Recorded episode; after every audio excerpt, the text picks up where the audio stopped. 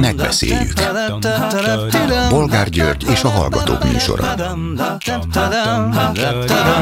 A műsor telefonszámai 061 387 84 52 és 061 387 84 53. Jó napot kívánok a Klubrádió mikrofonjánál, Bolgár György. Mai műsorunkban beszéljük meg, hogy véget ért Sopronban a háromnapos stratégiainak nevezett kormányülés. Orbán Viktor Facebook oldalán közölte, hogy reggel irány Brüsszel, megvédjük Magyarországot. De hogyan? Miért kellett összerántani ezt a rendkívüli hosszúságú kormányülést? Mi történhetett ott, és mi történhet ezután?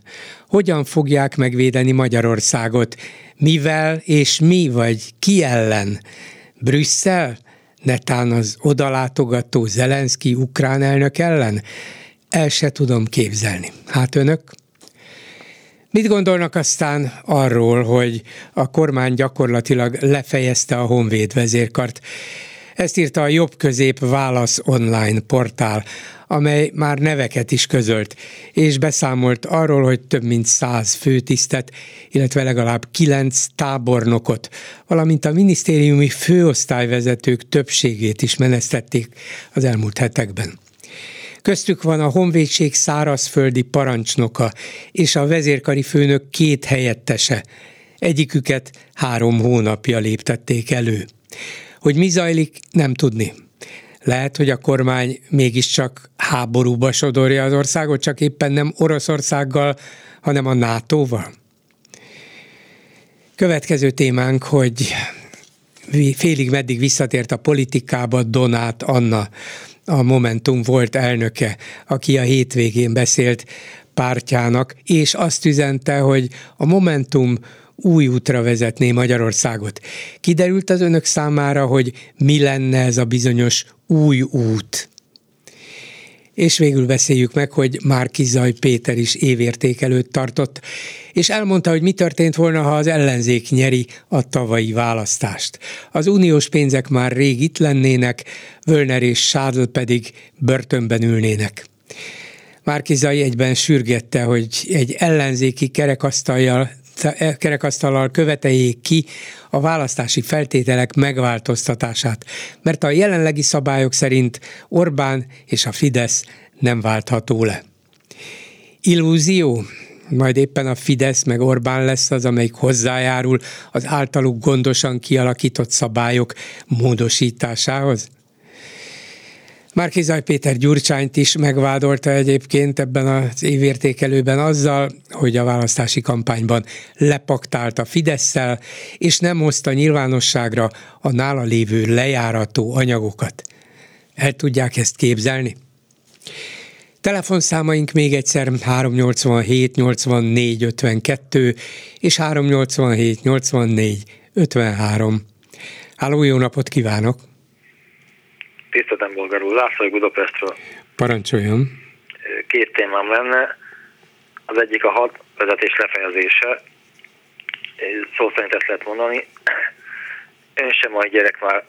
Tudjuk, hogy a diktátor, diktátorok így működnek. Ugyanezt csinálta a Stalin is, illetve Hitler is. Nem számít a szaktudás, hogy ki mennyire van ott a stratégia vagy, vagy hadviselésben, csak a lojalitás. Értem én, értem én, de hát azért az ön által felhozott példák már csak azért is sántítanak, egy kicsit, mert ott valóban éles háború volt, nagyon sok áldozattal, és nyilvánvalóan a diktátorok megkövetelték, hogy a parancsaikat 110 százalékban teljesítsék, de hát nálunk szerencsére nincs háború, és amit a honvédség vagy a hadsereg tud teljesíteni, az eleve nem olyan sok milyen éles helyzet van, amiben szükség volna a vezérkar, a tábornokok, az ezredesek, alezredesek, minisztériumi főosztályvezetők teljes vagy annál is nagyobb egyetértésére. Milyen helyzet van? Mi, mi nem csak Magyarország hadserege vagyunk. 99-ben beléptünk a NATO-ba, sőt, így mondom, nem ők, hanem ezek léptek be 99 ugye Kósa írta alá, hiszem, vagy, vagy a, talán az Orbán, nem tudom. Tehát ezek léptek be. Most meg ezek akarnak kilépni? Lásd, mint az EU-ból is. De nem akarnak. A, a NATO kilépést ezt még csak nem is pedzegették. Nem mondom, fölvetődik, én is fölvetem, tudni igen, nem tudom, igen, hogy, igen. hogy ez, ez valamiféle bizalmatlanság a NATO-val szemben. valami, nem? Há, valami, persze, ső, hát ez nem is mocorgás, ez, ez már dübörgés, ez már valamiféle na jó, szóval olyan mozgás, ami, ami nem fér bele a normális politikai viszonyokba, meg a normális váltásokba sem. Miért kell egy hadsereg vezetését úgy, ahogy van, 45 év fölött eltávolítani? A minisztériumi főosztályvezetők többségét, szóval valamit, valamit nem értünk, vagy nem tudunk? Megmondom önnek, hogy miért, mert ez a vízfej, mondhatom, hogy kis gömböz, de vízfej, már kellene az új samexoknak is kéne adni jó fizető állást. Ki tudják a régi katonákat, oda tesznek olyat, aki még puskát látott közelről, de havi, havi két mise ott lesz a zsebbe. Ilyen kifizető hely lesz. Tudja, mire gondolok, ugye? A kifizető helyet értem, igen.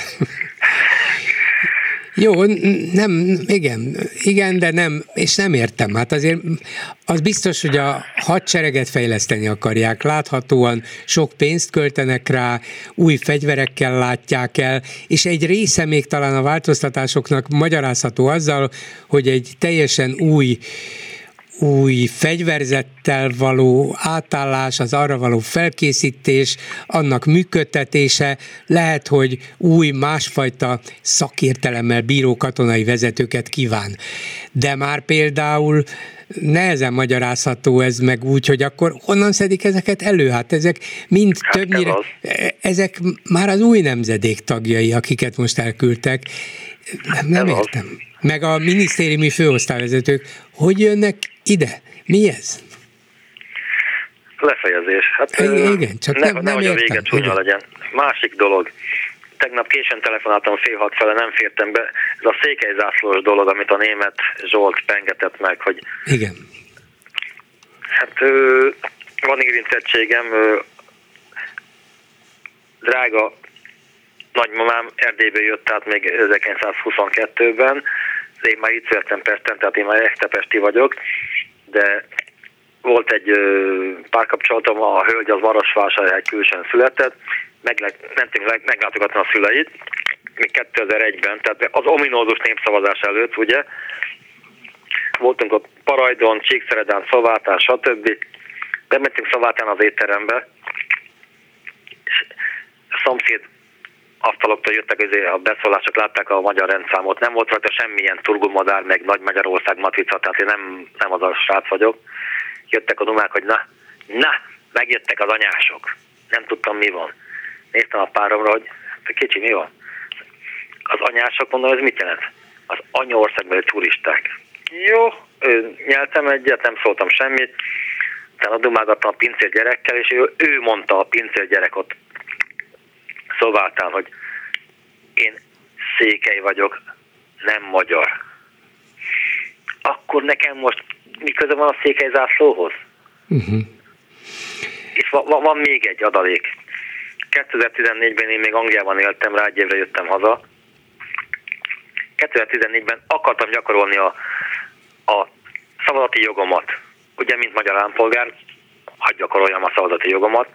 Londontól én 200 kilométerre laktam, oda-vissza vonat, meg a busz, meg a metró, stb. Oda-vissza lett volna 6 óra utazás, plusz 150 font, ami akkor 360 volt a font, azt hiszem ilyen 50 ezer forintos tétel lett volna, mindegy. De nekem miért 50 ezer forint, kékszered a külső, meg lemegy az ember a sarki postán, és feladja a levélszavazatot. Akkor én vagyok a másodrendű állampolgár, ezek szerint nem?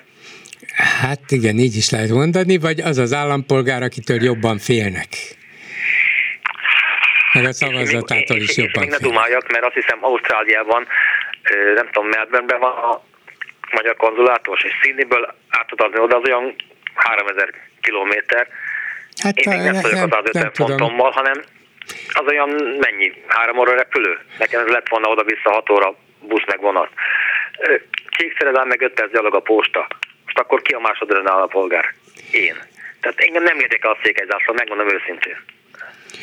Jó, hát ezt megértem. Az a kérdés, hogy egy ilyen székely zászlóból is miért lesz nemzetközi konfliktus, vagy két ország közötti konfliktus. Ugye bekérették a magyar nagykövetet a román külügybe, mert ugye német Zsolt azt írta, hogy a saját Facebook oldalára tette ki, hogy addig lesz a magyar közintézményeken, bár ő ezt nem tudom honnan tudja, végül is nem állami intézmény vezetője, hanem csak parlamenti képviselő, székely zászló, ameddig Romániában nem engedélyezik ennek a használatát. Erre volt a román válasz az, hogy Székelyföld nem közigazgatási egység, tehát nem is lehet zászlaja.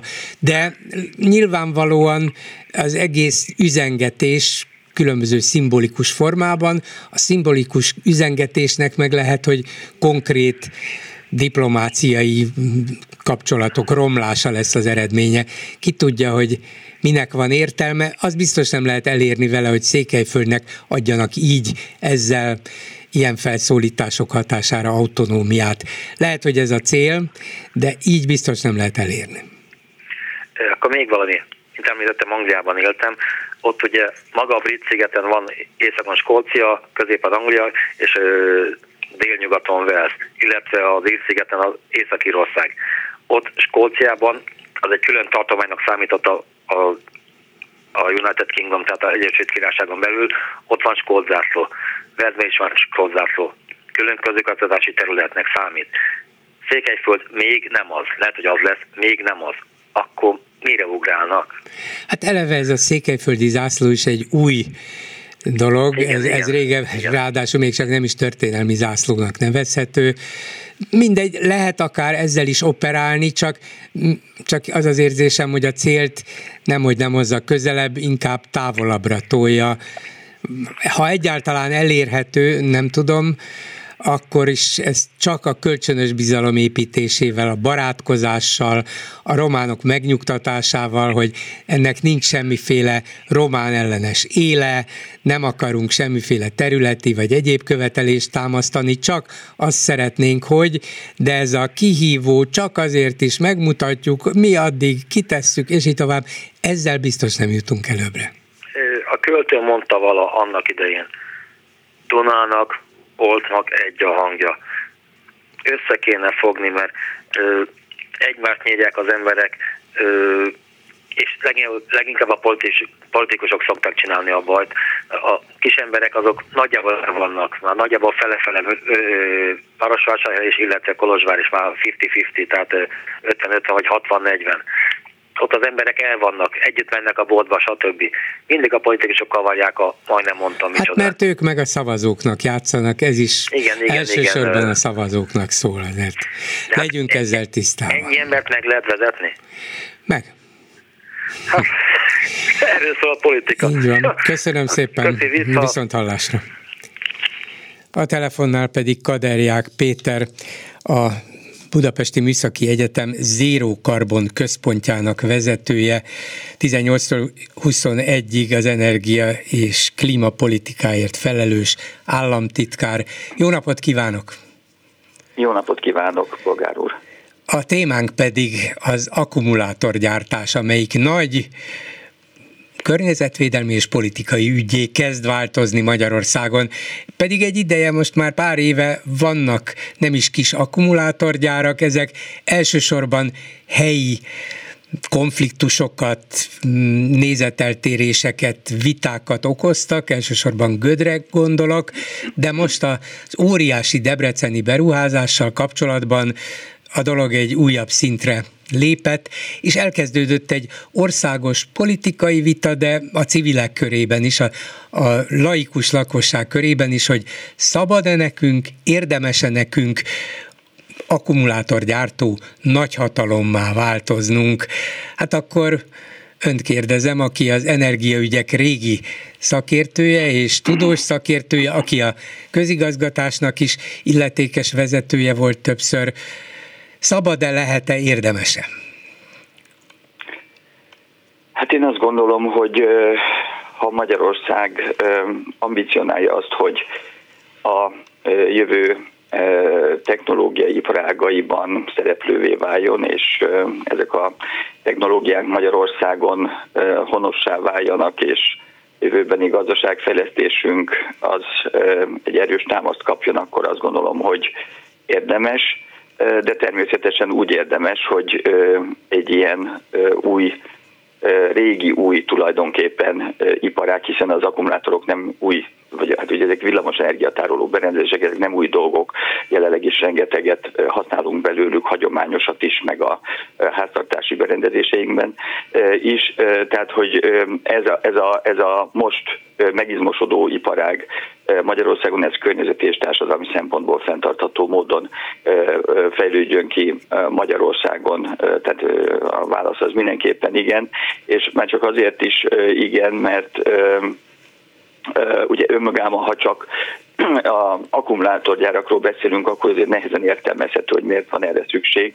Itt csak egy szélesebb kontextusban lehet ezt, én azt gondolom, értelmezni. A világ rohan egy klímaválság felé, és ugye minden erőfeszítést megér az, hogy kitaláljuk azt, hogy hogyan lehet elejét venni ennek a, ennek a katasztrófának, amit ugye a hétköznapjainkban is most már tapasztalunk a, a, az éghajlat drasztikus változásában és bizony a közlekedési szektor az, amely a káros kibocsátásoknak a negyedéért felel globálisan. A modern villamos tároló berendezések vagy akkumulátoroknak a rohamos terjedését döntő részben 90%-ban az az igény generálja, az a kereslet generálja, hogy a olajat, olajtermékeket, benzin, dízelt, felváltsuk megújuló energiákkal, és a közlekedés területén ez a belső égésű motorokról a elektromos autózásra való áttérést jelenti.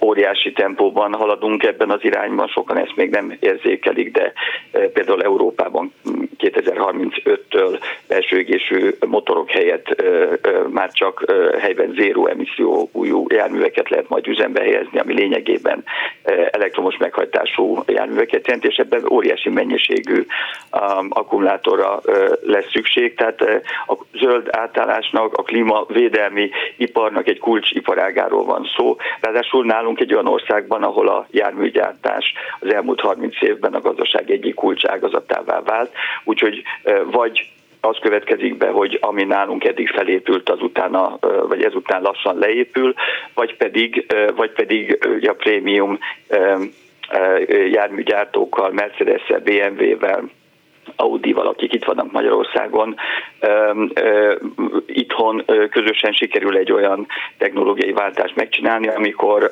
amikor az elektromos autógyártás és az ahhoz kapcsolódó kulcs technológiák, ezek között az akkumulátorgyártás az mind együtt egymást erősítve tud fejlődni Magyarországon. Tehát ebben, a, ebben, a, ebben az értelemben és ebben a kontextusban lehet amellett érvelni, és én, én, én azt gondolom, hogy kell is amellett érvelni, hogy Magyarországnak érdeke, hogy ez az iparág, ez persze fenntartható módon, de fejlődjön Magyarországon. Igen, tehát a válaszat tulajdonképpen igen, igen, igen és igen gyakorlatilag minden kérdésre, de azért az ördöge, ahogy szokták mondani, a részletekben bújik meg. Mert elvileg igen, zöld fejlődést akarunk, például a járműgyártásban is, és a világ úgy látszik eldöntötte, hogy ez az elektromos meghajtású autókban, eh, vagy autókkal érhető el legalábbis ezen a területen, és sok más egyébben is, tehát az akkumulátorra, a villamosenergia, vagy az energia tárolására, az akkumulátorokra kikerülhetetlenül nagy szükség van, ez, ez biztos. Hogy Magyarország ebben részt vállal, valószínűleg ez is elfogadható még a zöldek számára is. De a kérdés, vagy a közelebbi kérdés, a még konkrétabb kérdés az, hogy ilyen mennyiségben, ilyen mértékben, ilyen nagyságrendben szabad-e egy energiaigényes és vízigényes iparágat Magyarországon támogatni, már-már erőltetni, vagy csak annyira kellene kivenni belőle a részünket, amennyire például a járműgyártásban való részvételünk ezt indokolná, hiszen ott biztos, hogy vannak olyan előnyök, amelyeket a, az itteni nagygyártók is szívesen fogadnak, meg ugye egyáltalán a magyar gazdaságnak is jó, de ha ezt messze túl teljesítjük, akkor lehet, hogy ez gazdaságilag nem éri meg, többe kerül a leves, mint a hús.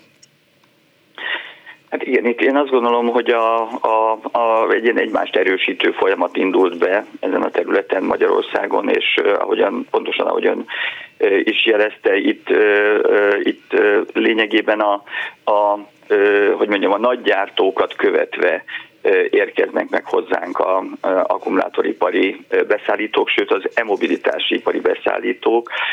Tehát a, a, kérdést, a kérdést valójában tényleg úgy érdemes föltenni, hogy akarjuk-e, hogy a BMW az Magyarországon csinálja meg azt a gyárát, amelyik 2024-től vagy 25-től már csak tisztán elektromos járműveket fog gyártani Magyarország, Európa és a világ számára, mert hogyha a válasz igen, meg szeretnénk azt, hogy a Mercedes és az Audi is ezt csinálja, akkor értelmezhető az, hogy miért ide érkeznek meg ezek a befektetések, ugye döntően Ázsiából, Dél-Koreából és a Debreceni esetben Kínából, és hogyha ez a kettő dolog megtörténik, akkor látjuk azt a folyamatot, hogy az ő társaik, beszállítóik látják azt, hogy Magyarországon egy elektromobilitási tudás és ipari klaszter alakul ki, és ők is közel szeretnének idejönni, és húzzák magukkal a további beszállítókat, de nem csak Ázsiából most már, hanem Magyarországról és Nyugat-Európából is. És meg kell mondjam, hogy ebben, ebben a magyar kis, közép és nagyobb vállalkozások is nagyon nagy perspektívát látnak.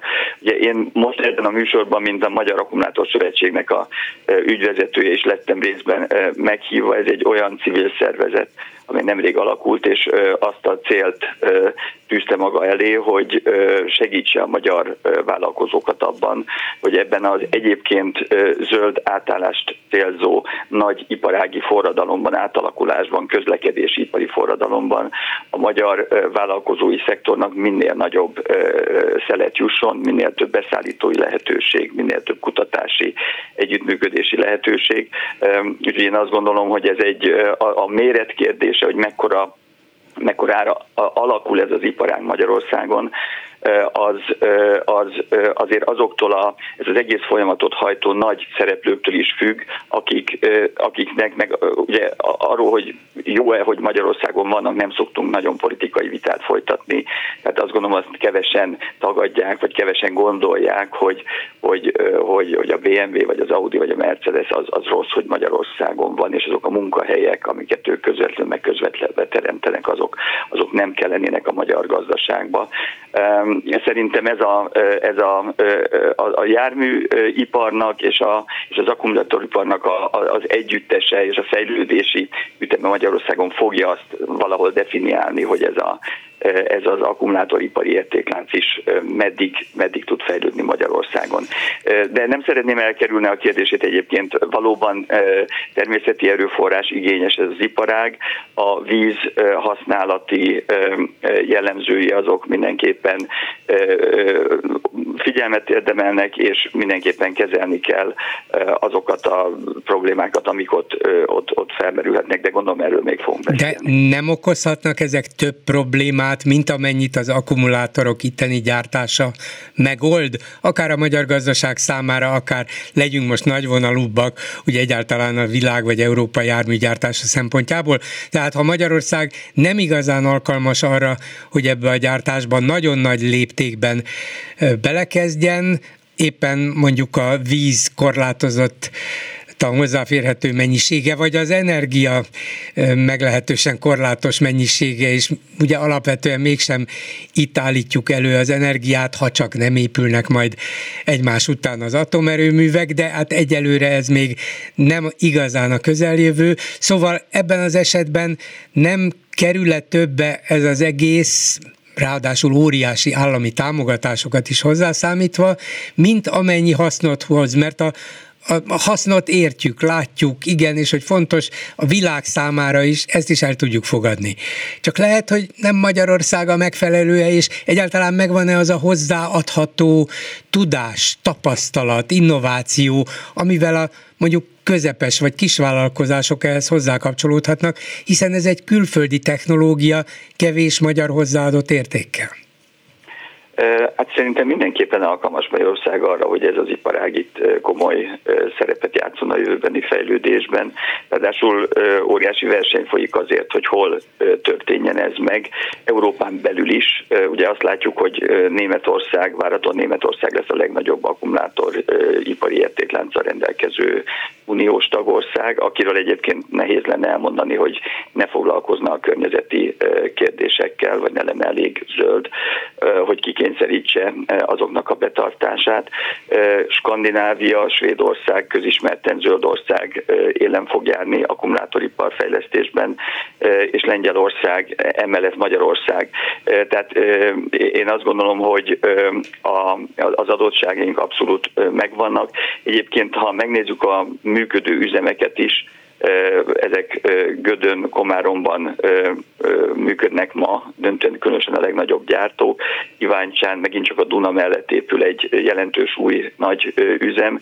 Ezek mind a Duna mellett fekszenek, ahol elegendő víz készlet áll rendelkezésre ezeknek az ellátásához, hiszen a többi nagy hagyományos ipari üzemünk is oda telepedett, tehát még ezt tanultuk gazdaságföldrajzból, hogy azért kell a százszalombatai finomítónak, meg a Dunai Vasműnek a Duna mellett lenni, mert ott van, meg a Paksi atomerőműnek, mert ott van, a, ott van a víz, amelyet egyébként hűtésre használnak akkumulátorgyártásnál is. Tehát ö, ö, okos megoldásokkal ö, abszolút én túldimenzionáltnak érzem ezt a, ezt a víz kérdés felvetést, fejlesztést, különösen a Dunamenti vagy oda települő egységeknél. Debrecenben nyilvánvaló, hogy, hogy ez egy más kérdés, de ott meg ugye helyi szakemberek nagyon figyelemre méltó válaszokat adnak arra vonatkozóan, hogy a még egyébként el se kezdődött beruházás, vagy a jövőbeni gyár létesítés vízellátását, ugye döntő részben szürke vízből, tisztított szennyvízből oldanánk meg, és azt gondolom, hogy még ott a fejlesztőkkel is mindenféle jó megoldásokat arra lehet találni, hogy a vízbázis védelem az, az Debrecenben a lehető legszilárdabb legyen. Tehát emiatt én azt gondolom, hogy nem szabad Magyarországnak ettől a, ettől a történettől egyáltalán visszalépnie. Még egyszer azzal, hogy el kell ismerni, hogy természetesen ennek az iparágnak, ami egy vegyipari tevékenység, vannak a gyártás során, a szállítás, a tárolás során, a használat során, az újra hasznosítás során olyan aspektusai, ami, ami környezeti kockázatokat hordoz. Tehát ezt meg kell oldani. Ugye Európa ma azon dolgozik, ebben az évben fogja elfogadni azt az új szabályozást, ami specifikusan az európai akkumulátor értékláncnak a szabályozására vonatkozik, mert az EU kiemelten foglalkozik az iparággal, mert ugye ez EU, EU szintű politika, hogy klíma semleges kontinens akarunk lenni, és ugye ezt a iparágat szeretnénk, és egy a teljes körforgásos gazdaságot koncepciót a középpontba helyező átfogó szabályozása lesz annak a folyamatnak, hogy hogyan lehet gyártani, szállítani, elhelyezni, újrahasznosítani ilyen, ilyen eszközöket pont annak érdekében, hogy a környezeti kockázatokat minimalizáljuk, illetve a meglévő nagyon-nagyon értékes nyersanyagokat, amelyek ezekben a, ezekben a, a egyébként az elektromos járművek értékének a 30-40 át kitevő akkumulátorokban, tehát még egyszer mondom, a 30-40 át kitevő akkumulátorokban benne van. Tehát ez, Úgy, ez a lelke ezek ezeknek a járműveknek, értem. De annak már megvannak a szabályai, hogy ezeket az akkumulátorokat, hogyha kiszolgáltak már, és ez 10-12 év alatt bekövetkezik általában, akkor hol kell elhelyezni, hiszen ez környezetre veszélyes, vagy hol kell újrahasznosítani. Ott, ahol használják őket, mondjuk eladják a BMW-t, és akkor Izlandon majd csináljanak vele, amit akarnak, hogyha ki kell dobni, vagy visszaszállítják mondjuk a Debreceni gyárba, mert onnét való az akkumulátor. Vannak erre való, való szabályok Európában már? Abszolút, mert ma is vannak, tehát ma is egy kiemelt termékfelelősségkörbe tartozó eszközről van szó. Itt csak zárójelben jegyezném meg, hogy ugye a, a hagyományos régi olmos akkumulátorok, amelyek, amelyek ugye az autóinkban vannak, azoknak ma már a begyűjtése, újrahasznosítása, szinte teljes egészében megoldódott Magyarországon. Emlékezhetünk még azokra az időkre, amikor ez nem volt így, de ott ez a folyamat már lezajlott. Visszatérve a korszerű akkumulátorokra, valóban már ma is vannak szigorú szabályok, és a, ahogy mondtam, ez a idei úgynevezett akkumulátoripari rendelet, amelynek a véglegesítésén az európai intézmények dolgoznak, ez pontosan ezt a feladatot helyezi a középpontba, tehát ugye azt azt célozza meg, hogy Európa egy fenntartható, környezetileg fenntartható iparági értékláncot alakítson ki ezen a kulcsfontosságú területen. Lesznek előírások arra vonatkozóan, hogy minden egyes legyártott ilyen modern akkumulátornak úgynevezett útlevele legyen, tehát a maga a termék és a benne lévő anyagoknak az életútja egészen a születéstől a a, a, a újrafeldolgozásig nyomon követhető legyen. Lesznek arra vonatkozó előírások, hogy fokozatosan hogyan kell a karbon lábnyomát ezeknek a termékeknek feltüntetni, hogy milyen újrahasznosítási részarányokat kell produkálni az Európában üzembe helyezett akkumulátoroknak. Szóval egy nagyon részletes szabályozás kerül most kialakításra. Persze azt majd implementálni kell és végre kell hajtani, és ez egy óriási feladat, de azt gondolom, hogy van idő arra, hogy, hogy, ezt, a, hogy ezt a feladatot meg, igen, megoldjuk. Igen. De végül is visszakerül az, mondjuk az akkumulátor Debrecenbe, ahol gyártják? Hát, hogy hova fog kerülni a MOL-hoz, akinek uh, hulladékgazdálkodási koncepció lesz Magyarországon, és hogy most még folyik az az értelmezés, hogy vajon egy használt akkumulátor az majd, az majd uh, annak a, ki lesz a tulajdonosa, ha úgy tetszik, vagy pedig visszakerül a Debreceni gyárba, az még most egy nyitott kérdés szerintem, de valamelyikhez egészen biztos. Tehát nem Németországban kerülni. vagy Svédországban dobják ki, hanem majd ide a gyártóhoz. Hát, hozzák nem vissza. kidobják. Értem, értem, gyűjtik össze, igen, igen. Iszonyúan értékes. Tehát én azt igen. látom, hogy ma az egyik leg, a befektetőket leginkább érdeklő kérdés az, hogy ha majd 20 év múlva nagy mennyiségben kezdenek megjelenni az újrafeldolgozandó akkumulátorok, akkor ki lesz az, aki hozzájuthat ezekhez, uh-huh. mert olyan értékes anyagok vannak ezekben, amelyeknek az újrafeldolgozása. Egy dolgot kérdezek még, bár ez nem se nem technikai, se nem energiaipari kérdés, de miután önnek azért volt valami köze a politikához is, talán van rá válasza, hogy ebben az ügyben láthatóan az emberek kezdtek el aggódni azokon a környékeken, ahol ilyen akkumulátorgyárat vagy építettek már, és vannak velük bajaik, vagy építeni szándékoznak. Mi a helyes most a az ön által jónak tartott cél érdekében is megkérdezni, tájékoztatni, adott esetben szót adni, akár döntő szót adni is a lakosságnak, hogy nehogy ellenére készüljenek el ezek a beruházások? Hát én mindenképpen azt gondolom, hogy a transzparencia, a párbeszéd az kulcs ezekben az esetekben. Tehát, tehát abszolút érthető az, amikor, amikor valaki aggódik azért, hogy a saját településén létesülő üzemeknek a, a jövőbeni működéséről, meg az aktuális környezeti teljesítményéről legyen információja. Tehát, tehát én, én hiszek abban, hogy a, a párbeszéd meg a transzparencia ezen a területen rendkívül fontos. Ezt tudja megoldani, én azt gondolom azt a fajta bizalmatlanságot, ami egy olyan félelemből alakul ki, ami a, a nem tudáson alapul. Tehát az információ hiány az, az, az attól általában attól félünk, amit nem ismerünk, nem tudunk, dolgozni kell azon, hogy, hogy ami kockázatos, arról tudjuk, hogy az, az mi, mi, pontosan mi az a kockázat, és hogy ezt hogyan lehet kezelni, és hogy mi az, amitől pedig nem kell félni ezen a területen. Köszönöm szépen Kadáriák Péternek, az Akkumulátor Szövetség vezetőjének, a Budapesti Műszaki Egyetem Zéró Karbon központja vezetőjének. Viszont hallásra! Köszönöm szépen, viszont hallásra! A vonalban pedig Komáromi Zoltán, a Demokratikus Koalíció egészségpolitikusa, országgyűlési képviselő. Jó napot kívánok! Jó napot kívánok! Hogy volt Mersze doktor úr elmenni a Magyar Orvosi Kamara rendkívüli küldőgyűlésére? Érzek némi iróniát a kérdésfeltevésbe, de engem 19-ben a 12. kerületi kamara küldött értekezletén országos küldöttnek választottak, mint egyébként 1998 óta nagyon-nagyon sokszor, és a Magyar Orvosi Kamara etikai szabályzata szerint, aki nem vesz részt a országos küldőgyűlésen, illetve ezeken a kötelező megjelenéseken, és ezt nem igazolja orvosi igazolással, akkor ugye etikai védséget követel, és én politikusként nem engedhetem meg magamnak, hogy etikai védségbe szaladjak. Na de Gyurcsány, hát Gyurcsány és Gyurcsány, hát ön Gyurcsány embereként ott ült. Hát Azért... ott ült Orbán Viktor embere is. Melyik úgy hívják, hogy, úgy, úgy hívják, hogy Google Árpád.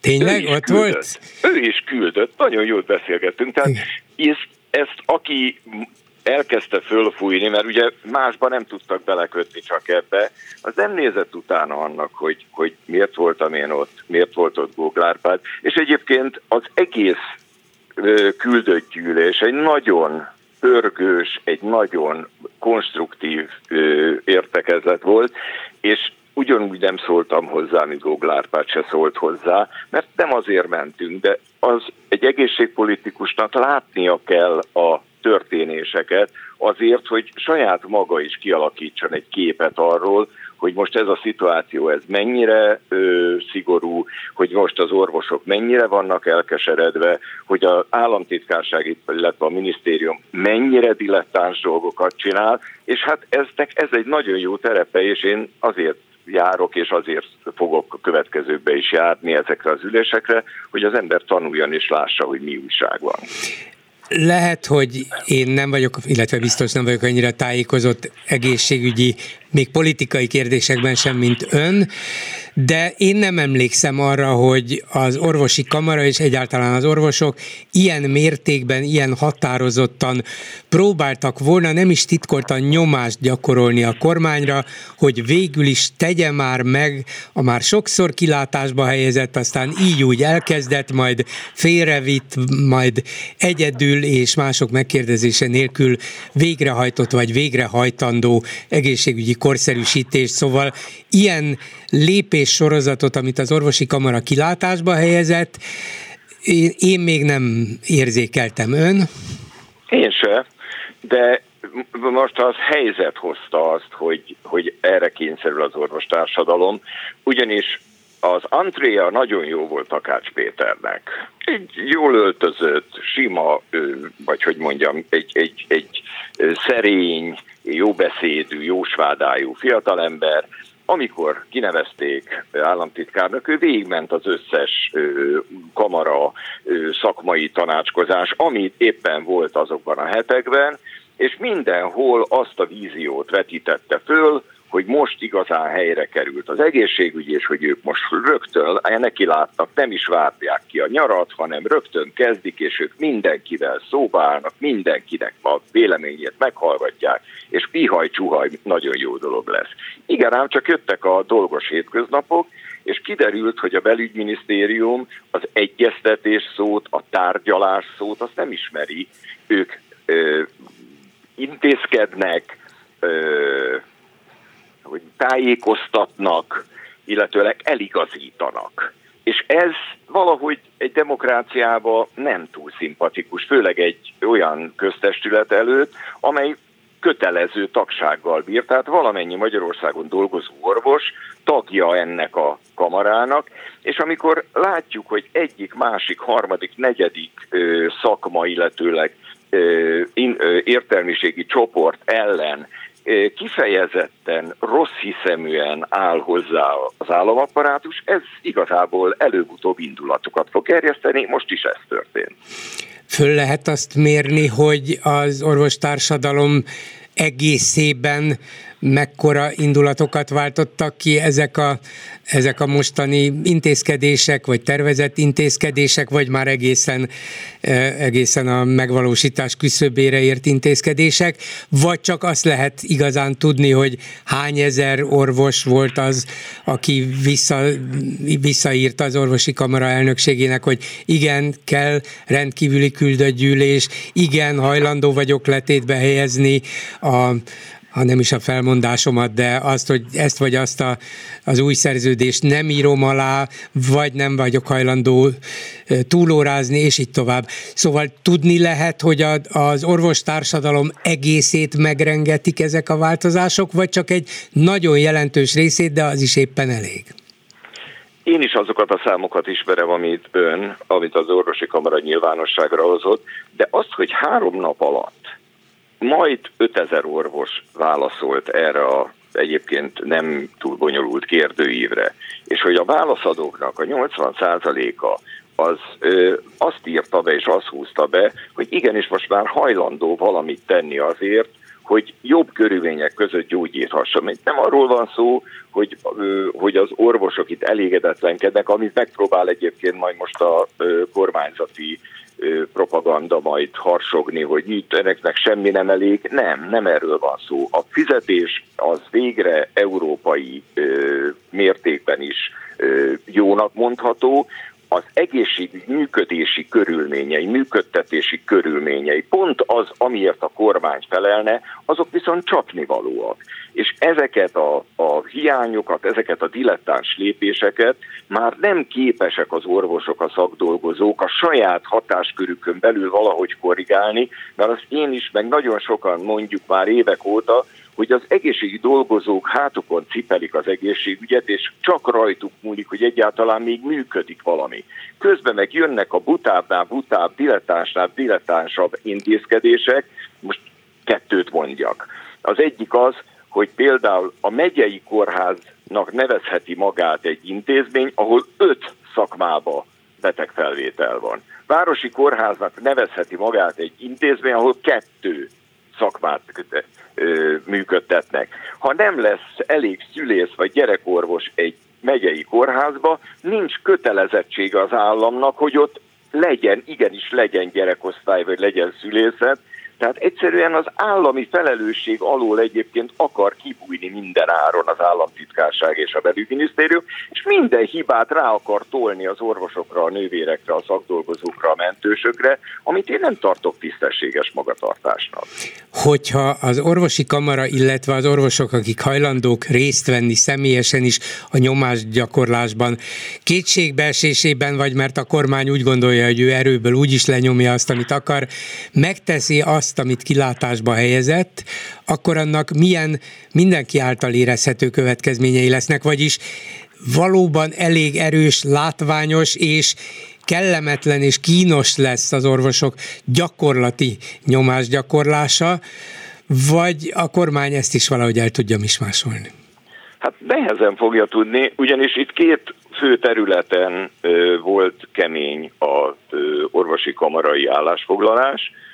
Az egyik az orvosi ügyeletek terén, ahol egyébként az államtitkár úr dicsinnuszokat zeng magáról, hogy micsoda csodálatos átszervezés történik, ami egyébként kimondva vagy kimondatlanul az orvosi ügyeleteknek a leépítéséről szól, mert kevesebb ügyeleti helyszínen, kevesebb óraszámba lesz ügyelet. Budapesten egyébként azért nem mertek hozzányúlni, mert Budapest valamennyi kerületében január 1 elsőjétől 0 órától december 31-24 óráig non-stop orvosi ügyelet van, amit egyébként úgy szerveztek, hogy például a házi orvos, hogyha délelőtt rendel, és a körzetében valaki rosszul lesz, akkor neki nem kell otthagyni a rendelést, és ő bevágni magát a kocsiba, és rohanni egy sztrókhoz, vagy egy vérnyomás kiugráshoz, vagy egy mit tudom én, egy befokos lázhoz, hanem az orvos ügyelet helyette ezt megcsinálja. Ezt egyébként most országosan fel fogják számolni, mert ugye a négytől tízig tartó orvosi ügyelet az egy járásra vonatkozik, ahol van olyan járás, ahol három ügyeleti központ is volt. Nagyon kíváncsi leszek például, hogy Budaörs és Budakeszi között hogy fog eldőlni, hogy hol lesz az ügyelet, mert hogy egyiken lesz, a másikon nem lesz. Tehát ez egy visszalépés, és erre akarják úgy rávenni a orvosokat, hogy például nincs tisztázva, hogy este tízkor hogy megy haza az orvos. Nincsen tisztázva az, hogy biztosítja a mentőszolgálat az EST-hez való hozzáférését. Magyarul egy idegen betegnek az ellátásához kap-e segítséget az ügyeletes orvos, például cukorbetegség, szívbetegség, vagy bármilyen tekintetében.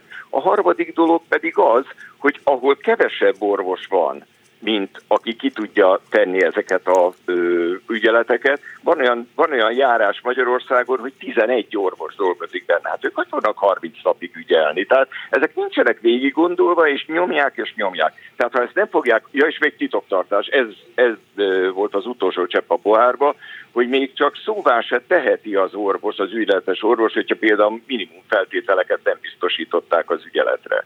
Tehát ez az egyik, a másik pedig a önként vállalt túlóra, ami egy nagyon, hogy mondjam, nagyon-nagyon veszélyes fegyver. Ugyanis az orvosok sem dolgozhatnak havonta 240 óránál többet.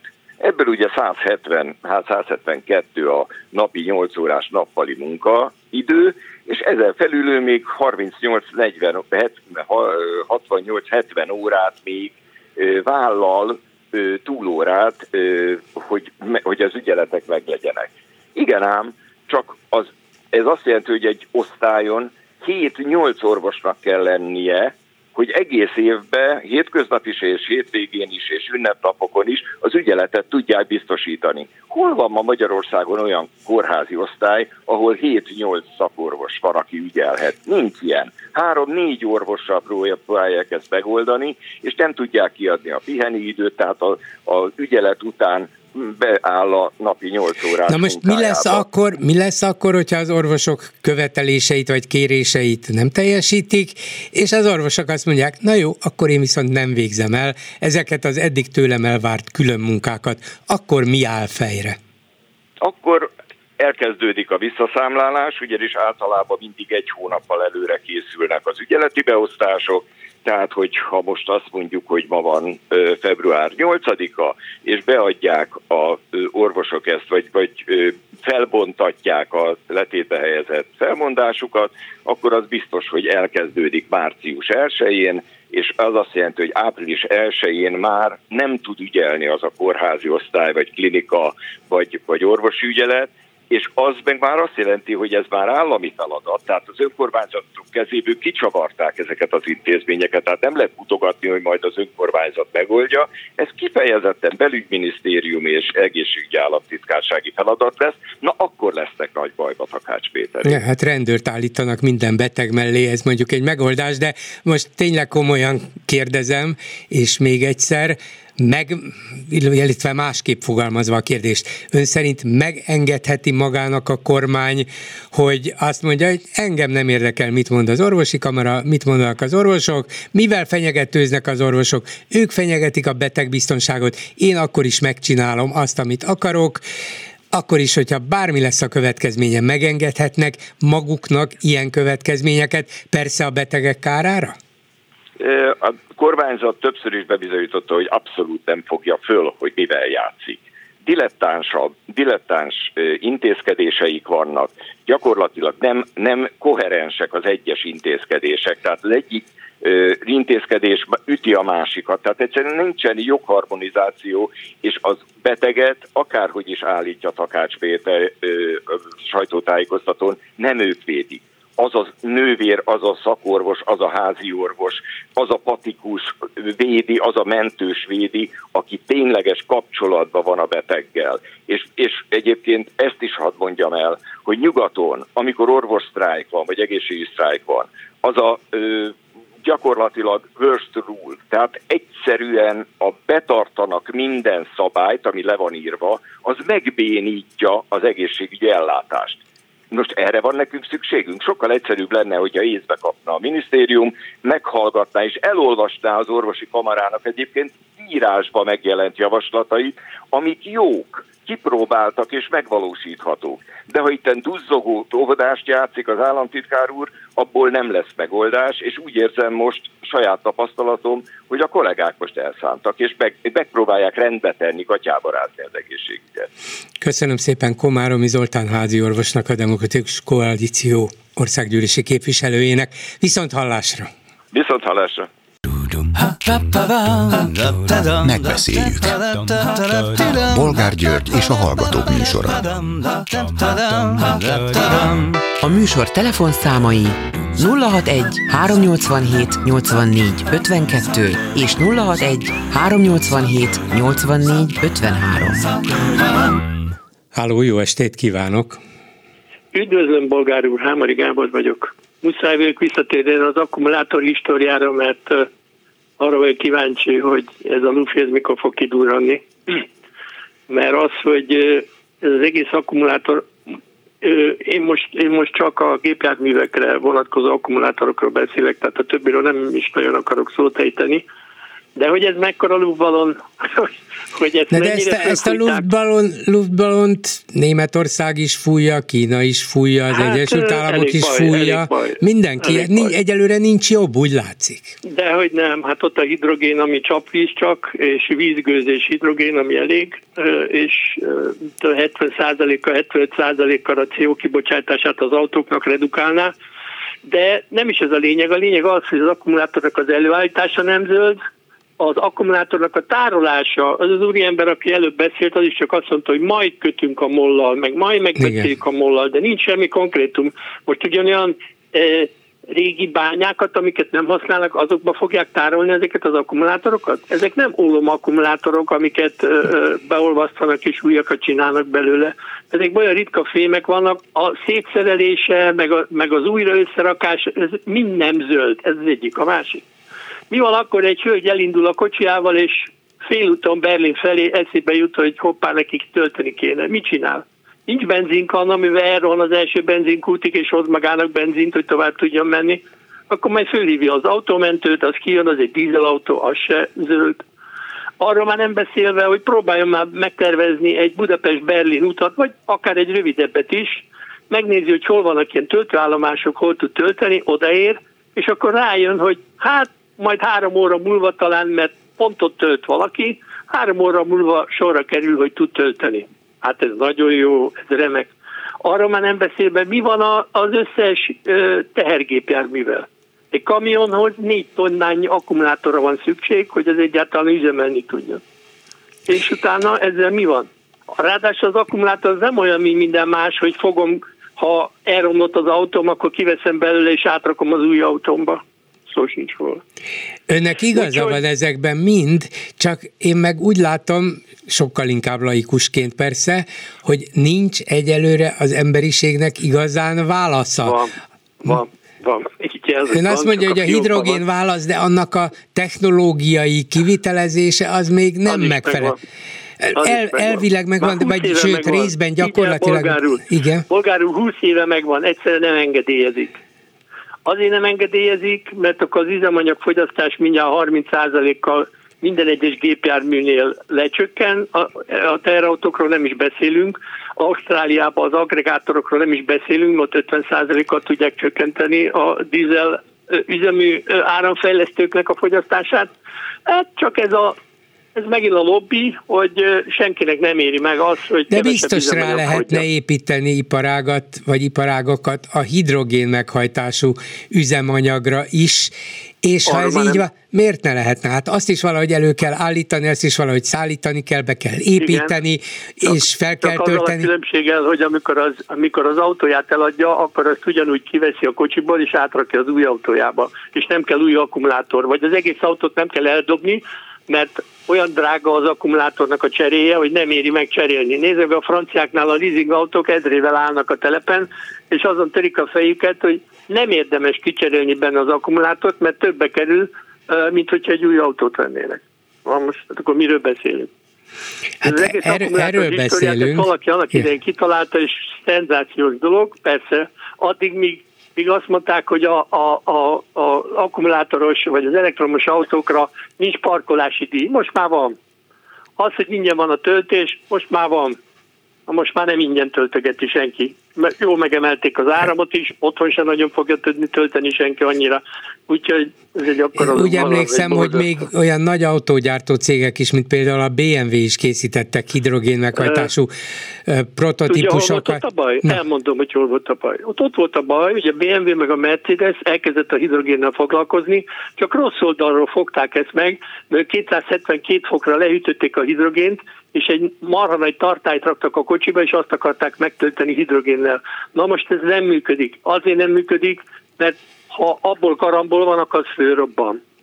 Egyik, másik, a töltőkutakat nem tudják mindenütt ellátni olyan hűtőberendezéssel, ami folyamatosan le tudja hűteni ilyen hőmérsékletre a hidrogén. De akkor látja, Ennyi. hogy van, vannak gyakorlati meg. problémák. De Persze, de erre van megoldás, erre van olyan gépezet, amit hogyha beszerel a kocsiába, akkor csak annyi hidrogén termel, amennyire épp, a, épp az autónak, a motornak szüksége van, és csak akkor kezd el dolgozni, mikor ráadja a gyújtást. Ilyen egyszerű. És ezt nem engedik, nem adnak rá műszaki engedélyt, pedig ez jobbról-balról mindenhonnan védve van, műszaki egyetemek alátámasztják, mérések vannak, kocsiba be van szerelve 20 éve és működik, és, és ki lehet mutatni grafikonon, meg, meg, meg tehát minden, minden oldalról alá lehet támasztani, hogy ez miért jó. Nem, hát nem buli, mert mert nem buli. Hát biztos lennének olyanok, akik úgy gondolják, hogy ez nekik buli, és még akkor gazdaságilag is megérné nekik, vagy valahogy az az érzésem, hogy talán azért nem csinálják, mert, mert, mert egy csomó dolog mégis csak ellene szól. Biztos, hogy vannak előnyei, nem is kevés, csak még nem tart ott az egész, hogy ez érdemi Ugye, alternatíva úr, az amerikaiak már a 30-as években, meg a 20-as években autóversenyeket rendeztek hidrogén hajtásos autókkal. Ez nem egy új dolog, ez abszolút nem új dolog. Igen, mondom, én technikailag Valakinek nem értek hozzá. Igen, csak, csak valahogy ezeket az általános összeesküvés elméleteket nem igazán fogadom be, mert azt mondom, hogy egy, egy olyan világban, ahol vannak ellentétes érdekek, már pedig az emberi társadalomban vannak, mindig lehetnek olyanok, akik azt mondják, hogy na, de ez mégiscsak jobb. Ebből én üzletet tudok csinálni, én ezt el tudom adni, meg tudok győzni embereket, és profitom lesz belőle. Valószínűleg azért nem csinálják, mert egy egyelőre mégsem jön az a haszon, Aha. mert túl sok a komplikáció még. Aha. Nem? Jó, igen. Jó köszönöm, köszönöm okay. szépen, viszont hallásra. A vonalban pedig Bolyár Gábor, a Graphisoft alapítója. Jó estét kívánok! Jó estét kívánok! És hát akkor a témánk továbbra is az akkumulátor. Ha talán nem is ilyen technikai megközelítésben, mert bár ön, ha jól tudom, képzettségét tekintve fizikus, így van?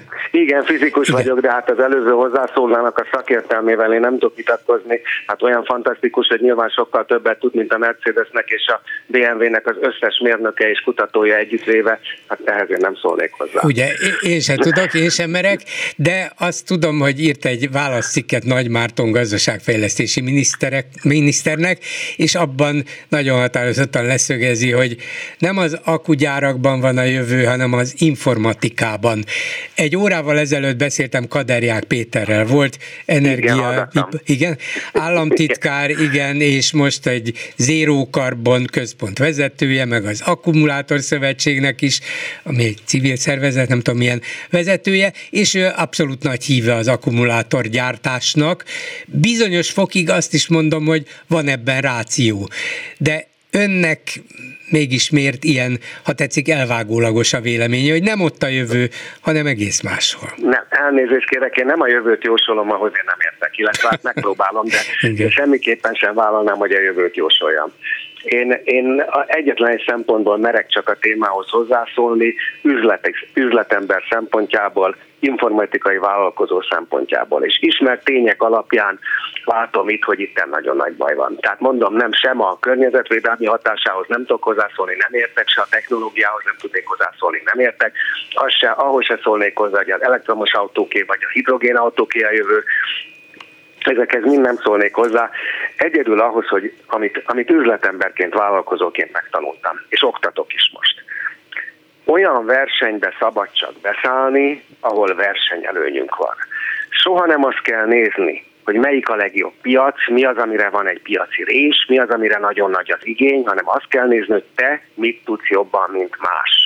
Na most akkumulátorgyártásban semmit nem tudunk jobban, mint más. Nincs meg hozzá nyersanyagunk, nincs meg hozzá olcsó energiánk, nincs meg hozzá hozzáférhető, könnyen hozzáférhető olcsó víz, semmink nincs hozzá, ami ehhez kell. Ez egyszerűen, ez nagyon egyszerű tény. Meg is mondta egyébként a miniszter úr, hogy mi az a verseny, amibe be kell szállnunk. Azt mondta, hogy a támogatás versenybe kell beszállnunk. Hát ez borzasztó, Hát az lesz a versenyelőnyünk, hogy mi többet költünk rá, mint németek, vagy a svédek, vagy bárki más az adófizetők pénzéből. Kicsit utána néztem, megmondom, hol Györfi Dóra, Dóra írt erről egy nagyon jó tanulmányt, amit önök már a Kultúrádióban is már többször ismertek belőle részeket, majd a közgazdasági szemlékben fog megjelenni jövő hónapban. Nagyon-nagyon alapos adatokra támaszkodva írta meg, hogy egységnyi kapacitásra jutóan tízszer annyi állami támogatást adunk az akkumulátorgyártáshoz adófizetői pénzből, mint a németek vagy a svédek, akik Európában mondjuk erre nagyon ráhajtanak. Hát ez egyszerűen, egyszerűen hihetetlenül illogikus gazdaságilag. Hát ha győzni akarunk egy támogatási versenyben, akkor nem kell tízszeresen megverni a többit. De egyébként is nagyon nem, nem hiszem, hogy ez egy praktikus dolog, hogy támogatási versenyben győzni. Hanem, hanem a, a saját, saját versenyelőinkre, táma, versenyelőnyeinkre támaszkodva kell valamit csinálni. Na kell versenyezni. Ott kell, azon a pályán kell versenyezni, ahol jobban tudunk lenni. És úgy érzem, semmi nem szól mellett, hogy mi akkumulátorgyártásba tudnánk jobban. Ha már kitért itt a támogatásokra, csak egy adat jut eszembe, hogy ezt az óriási kínai akkumulátorgyárat a magyar állam 320 milliárd forinttal Igen. támogatja. Még egy kicsit ez azóta még növelték, és most már 350 350. Járunk. Szóval annyit tudunk, hogy a pedagógusoknak ígért idei 10%-os, nem is béremelés, de bérpótlék növekedés körülbelül 60 milliárdjába kerül a kormánynak. Hát ezek szerint 60%-os pedagógus béremelés lehetne azonnal csinálni, csak egy ilyen Ebből támogatásból. És akkor, és akkor körülbelül ugyanekkor összeg ment el már eddig a, a Dél-Korea meg egyéb, a többi akkumulátorgyár, ami már működik, ugyanez az összeg ment el. Tehát ez egyszerűen, egyszerűen érthetetlenül sok. Na most a másik, amit hát érthető, csak most akkor ne válaszkodjunk. Na most a, a, a másik, ami miatt, ezt már pedig informatikai vállalkozóként gondolom, ami miatt én itt kiakadtam, és ami miatt hát billentyűzetet kellett fognom, az újra, ip, ip, újraiparosítás programja. Azóta már meg is hirdették, hogy Baros Gábor újraiparosítási program. A 21. században újraiparosítani. Hát úristen, hát hogy lehet ilyet mondani, amikor egy olyan században élünk, ahol az egész gazdaság tudás alapra áll át, át ahol, az, ahol az informatikai forradalomnak még csak az elején vagyunk, és egyértelműen hát nem hiszem, hogy van épeszű vagy ehhez értő ember, aki a vitatkozna, hogy hát az informatikai ipari a jövő, és az, az növekszik egyre gyorsabban. Persze, hogy növekszik közben az és az a, a, a a, tehát a zöld, zöld gazdaságra való átállás. Na de hát ott nekünk semmilyen, semmilyen versenyelőny nincs. Ha már Mondjuk az önvezető autóknak is például nagyon, nem csak az, hogy elektromos, az elektromos autó sokkal gazdaságosabb lesz, az önvezető. De ez csak egy mellékkérdés. Az önvezető autóban lévő szoftver az sokkal értékesebb, mint az egész autó úgy, ahogy van. Na de Mert erre, benne... erre idézett ön, Tarlós István volt budapesti főpolgármestertől egy nagyon jó megjegyzést, amit önnek tett, hogy hát mi az a szoftver? Hát azt nem lehet kézbe fogni, és ez biztos, hogy nagyon sok ember, még akár döntéshozó fejében is így él, hogy hát az a termék, aminek, amit látok, amit meg tudok fogni. Meg az átlagember is így gondolkodik. Az hát akkumulátort igen, meg lehet fogni. Én attól tartok, hogy itt egy döntéshozó ember valóban így gondolkodik, és annak instrukció alap, vagy azt, azt vette át Tarlós úr is, és ennek akar valószínűleg eh, megfelelni a gazdaságfejlesztési miniszter is. Hát rosszul gondolkodik. Hát rosszul gondolkodik, egyértelműen a világ nem abba az irányba megy, hogy az a termék, amit meg lehet fogni, hanem pontosan abba az irányba megy, hogy a világ GDP-jéből egyre nagyobb hányadát vesz ki az, amit nem lehet megfogni. A szolgáltatásokat például nem lehet megfogni, csak élvezni. A szoftver is olyan nem lehet megfogni, csak éppen használni lehet, és jobbá tudjuk tenni az életünket, és gazdaságosabbá is. És örömtelibb, és mellékesen a környezetnek se árt egyáltalán. Tehát amikor van egy olyan országunk, egy olyan hazánk, amely a matematikai hagyományaiban, a matematika a szoftver, a, a, informatika alapja. Tehát amely matematikai hagyományban az egész világ elismeri, hogy ebben mi nagyhatalom vagyunk, még most is azt hiszik rólunk, hogy a nagyhatalom vagyunk gyártó nagyhatalommá szeretnénk lenni, de matematikában nagyhatalom vagyunk év, évszázadok óta. Olyan neveink vannak a világban, amiket a, amik magyarként is, mert mi a a Nobel-díjasainkra szeretnénk büszkék lenni, de azokat, azoknak a nagy többségét nem magyarként ismeri a világ, mert nem itt érték az eredményeiket. De a matematikusainkat itt érték, magyarként ismerik ma is. Ez egy olyan, ez egy olyan kinincs, amire, amire támaszkodva ma tényleg gazdaggá tehetnénk az országot. Ez egy kicsit ezt a hasonlatot használtam a cikkben is, hogy miért lett Anglia gazdag, és miért lett a, az ipari forradalom győztese még a 19. században. Hát azért, mert amikor megindultak a nagy felfedezések, és nem Anglia csinálta a nagy felfedezéseket, de amikor megindultak a nagy felfedezések, akkor kikerült, hogy ez a hajózási tudás, ami Szigetország révén Angliában felhalmozódott, az egyszer csak értékké vált. És volt egy vezetőjük első Erzsébet, aki ezt felfedezte, hogy hát a hajózási tudásunkat most, hogy a nagy felfedezések után megindul a gyarmatosítás, hát az minket gazdaggá tehet. És hajóhadat épített, és arra épített, a erős hagyományai voltak. És így aztán bár nem ők kezdték, de a gyarmatosítás győztesei lettek, és a gyarmatosításon keresztül az ipari forradalom győztesei lettek. Nekünk matematikában vannak fantasztikus hagyományaink, és most egy olyan század jött el, amelyben ez borzasztóan felértékel. És ezt nem csak nem építeni rá, hanem még tudatosan le is rombol Hát elnézést, hogy ilyen indulatos vagyok, de hát ez az indulat szültett. Na de hogyha ilyen történelmi példát használ, akkor nem vethetem-e önnel szembe föl azt, hogy lehet, hogy ugyanolyan az akkumulátor, mint első Erzsébet idején az angol hajóhad, meg a hajózás, hiszen most nem hajózás kell, hanem a járműgyártáshoz Igen. az akkumulátor. Igen, csak első Erzsébet arra épített, amiben Angliának erős hagyományai és kultúrái voltak, és felfedezte, hogy ez most érték. Lehet, ez akkumulátor is érték, csak hol vannak nekünk akkumulátorgyártásban nyersanyagunk, energiánk, vízünk és hagyományunk? Hol? Igen. Hát majd lesz, hogyha visszaszállítják az elhasznált akkumulátorokat, és mi kinyerjük belőlük. Jó. Megint de... egy Györfi Dóra nagyon találó hasonlatát használnám arra hivatkoznék, ami fantasztikus volt, ez pont olyan, mint amikor Gerő, Rákosi és Gerő idejében a vas és acél országává próbáltuk tenni Magyarországot. Aztán nézzük, mi marad belőle abban, környezetünket abban... rondító, el, elcsúfító gyáróriások, amik lerobbantak, vagy, óriá, vagy működnek és óriási veszteséget termelnek. A Dunapert kell most éppen valahogy kihúzni. Igen. Mi marad abból? Ugyanez, ez a voluntarista hozzáállás, ez tipikus jellemzője a diktátoroknak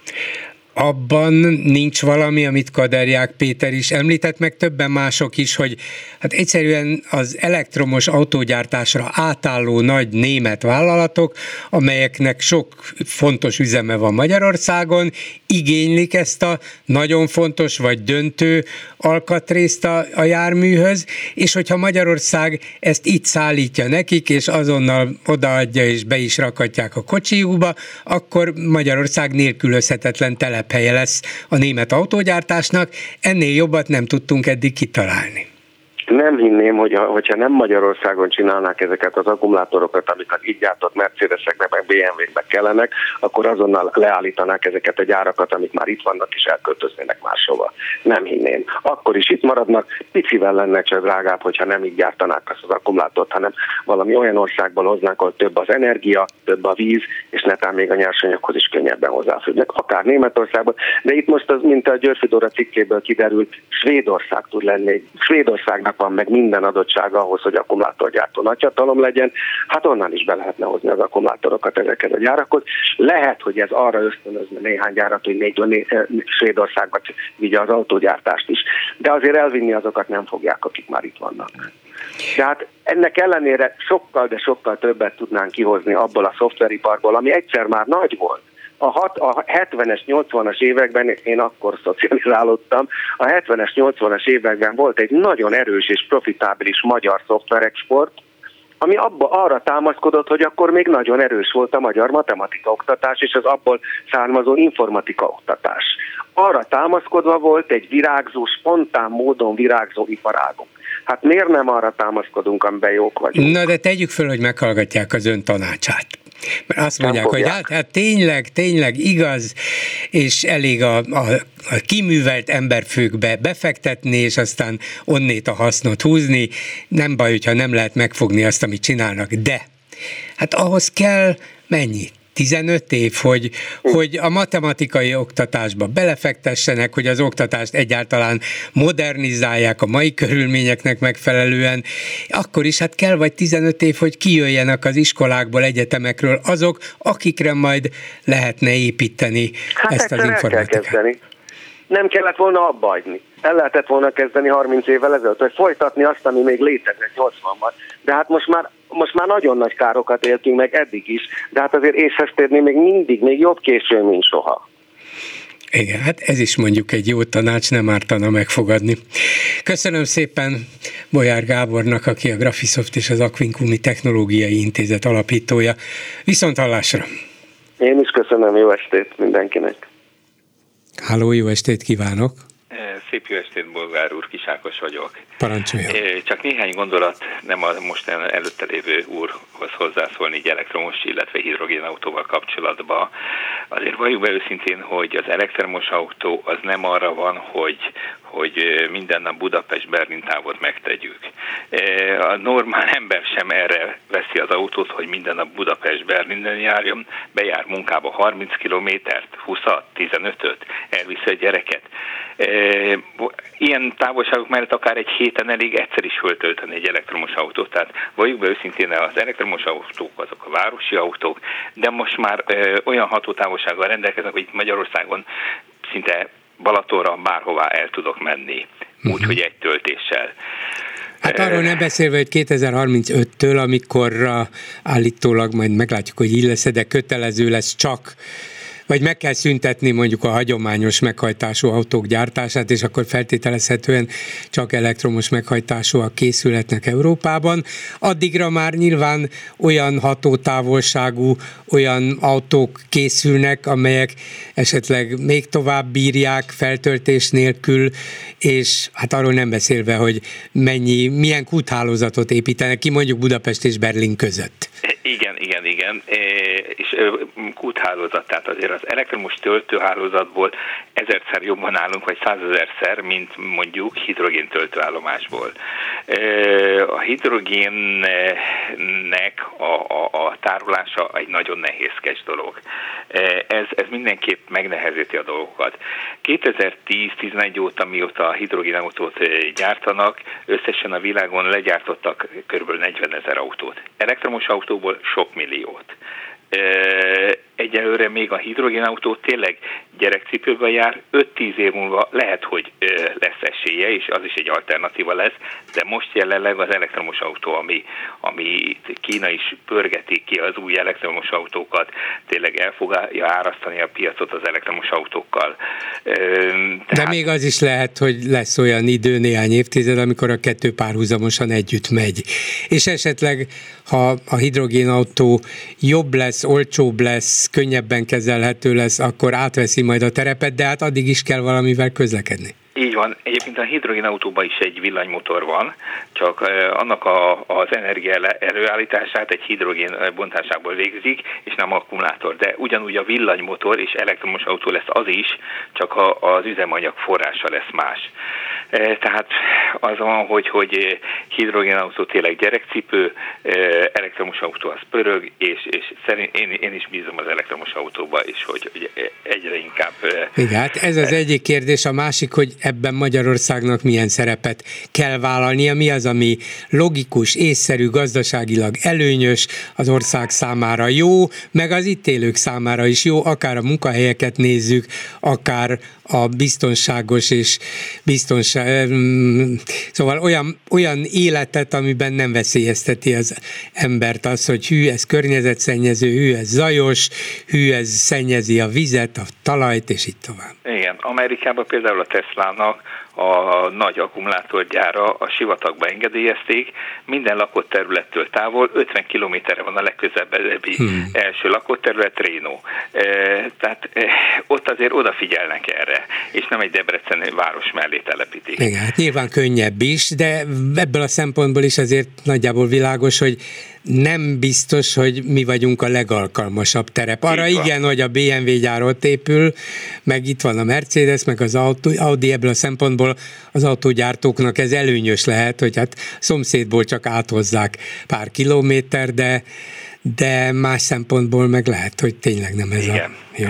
És még egy, én egy autóipari beszállítónál dolgozok, tehát aki, aki a BMW-nek, a Mercinek is gyárt dolgokat, azon, hogy jön ide termelés, de a nagy energiafelhasználású termeléseket helyezik át ide. És, és, és, és nem fogjuk bírni energiával. Tehát most is már 30-35%-ban importenergiára vagyunk fogyatkozva, hagyatkozva villamos energiába. Tehát ha még beteszünk plusz ilyen nagy energiafaló gyárakat, mint az akkumulátorgyár, hát akkor, akkor végünk. Uh-huh. Ugye nem véletlen, hogy ezzel párhuzamosan erőltetik azt, hogy hát akkor mindenképpen meg kell építeni a Paks 2-t, lehet, hogy egyébként különben is, nem vitatkozom ezzel, de hát az minimum 10 év, de inkább azt mondanám, hogy 15. Mi lesz addig? Hát ezek az akkumulátorgyárak, ezek sokkal elő, részben már működnek, részben sokkal előbb működésbe lépnek, tényleg teljesen ki leszünk szolgáltatva a más országokból importált energiának. Így van, így van, így van, és energia szükség van, akkor ők se fognak nekünk adni, akkor, akkor boldogulj úgy, ahogy tudsz. Igen. Bolgár úr, igen, nem köszönöm szépen, tovább. de hogy zavart. Köszönöm szépen. Minden jót, Viszont minden hallásra. Mit írnak a Facebook kommentelőink, Lőrinc Saba? Szia Gyuri, köszöntöm a hallgatókat. Nem hallanak téged, majd most. Igen. Szia Gyuri, köszöntöm a hallgatókat. A honvédség tisztikarának ritkítása kapcsán egy kommentre lettem figyelmes. Mikor is szokta egy hatalmon lévő vezető kitakarítani a hadseregből azokat a tiszteket, akik nem feltétlenül lojálisak hozzá? Az akkor indokolt, ha egy olyan helyzet várható, amely arról szól, hogy a hadsereg éppen kinek az oldalán áll egy országban. És De mi... ez lehetetlen. Ez, sok mindent el tudok képzelni.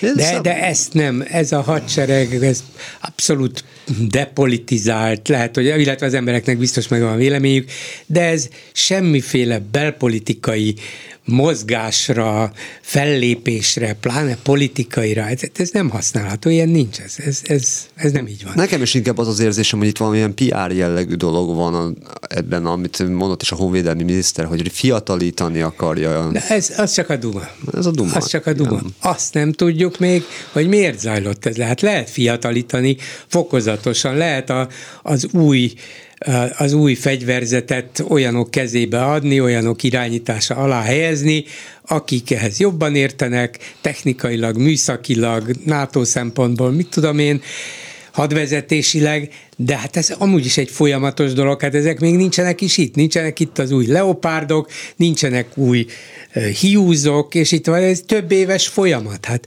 mi, mi történik most? Miért kellett kirúgni 110 embert? Mennyivel jobban örülnék annak, ha valódi leopárdok és hiúzok kerülnének inkább a hadsereg Az állatkertbe. Na, hát igen.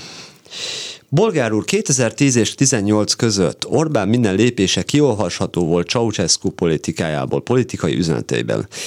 Nekem az az egy dolog, hogy leginkább a retorikájában vélek felfedezni hasonlóságot, tehát abban. Nem, nem, nem. Hát Orbán retorikája sokkal gazdagabb, sokkal kevésbé primitív. Hát Ceausescu szimpla, primitív, nem, nem, lehet összehasonlítani. Mm. Hogy a, a vezetői vagy vezéri mozgása esetleg ceausescu emlékezteti, azt az lehet, de a, a szöveg az, az nem.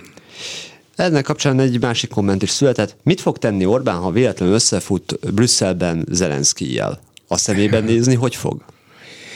Nem tudjuk, hogy oda megye még, mert ez a londoni látogatás is titokban volt előkészítve, most állítólag átmegy Párizsba, szerintem átmegy Brüsszelbe is, ha már ott van, de érdekes lesz, hogyha ott végig kezel az ukrán elnök a, az uniós tagországok vezetőivel, hát érdekes találkozás lesz.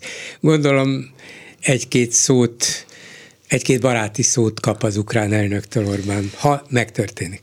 Egy bizonytalan jövőben, ahol már nincsen háború, és Ukrajna adott esetben már az Európai Unió tagja, ha így, ha ezt megtörténik, akkor is érdekes lehet, hogy milyen egy, egy ilyen találkozó.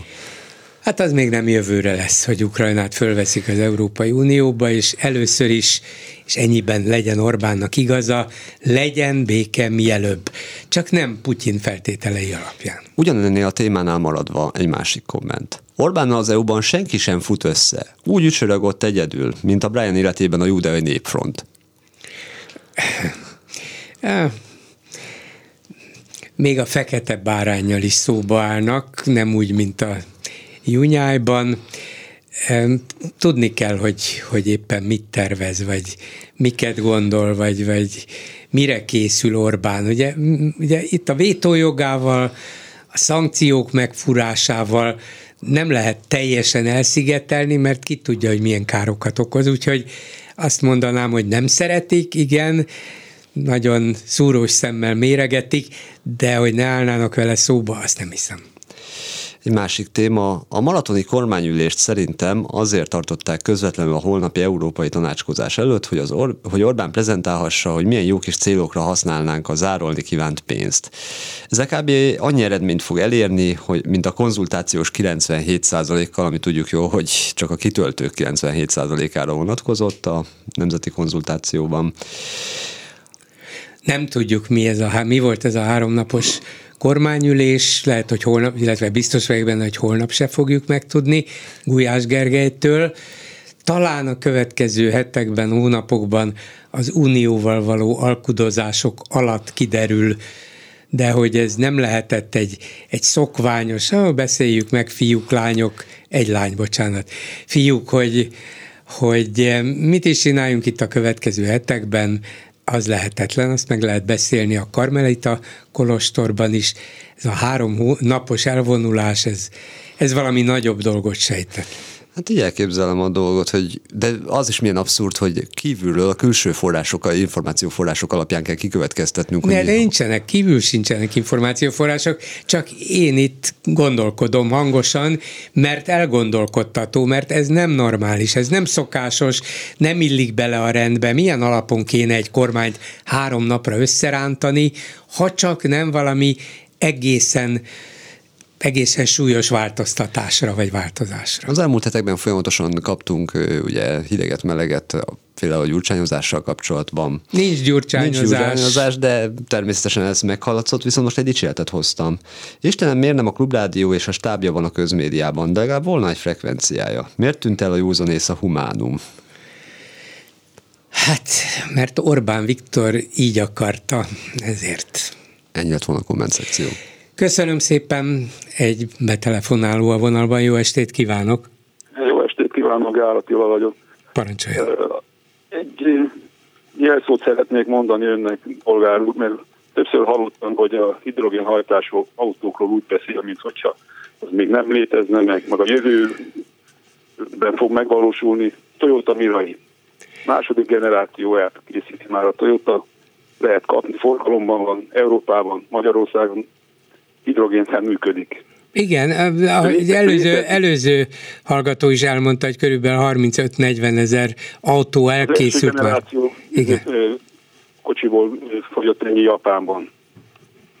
És már Magyarországon is van töltőállomás, kettő, két hidrogén uh-huh. töltőállomás, amivel lehet, ha valaki megveszi ezt az autót. Na de akkor ön szerint mi akadályozza, hogy ez terjedjen el? Mert a Toyota a világ legnagyobb autógyártója.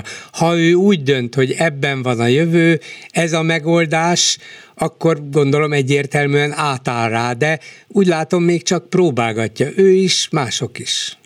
Én nem próbálgatja, ő gyártja. Szériában gyártja. Igen, értem, de ez, ez a... Toyota Prius, Toyota Prius. Éveken keresztül kis számon tudták eladni, hogy a hibrid autó volt, nem tudom, 15-20 éve készítik. Igen.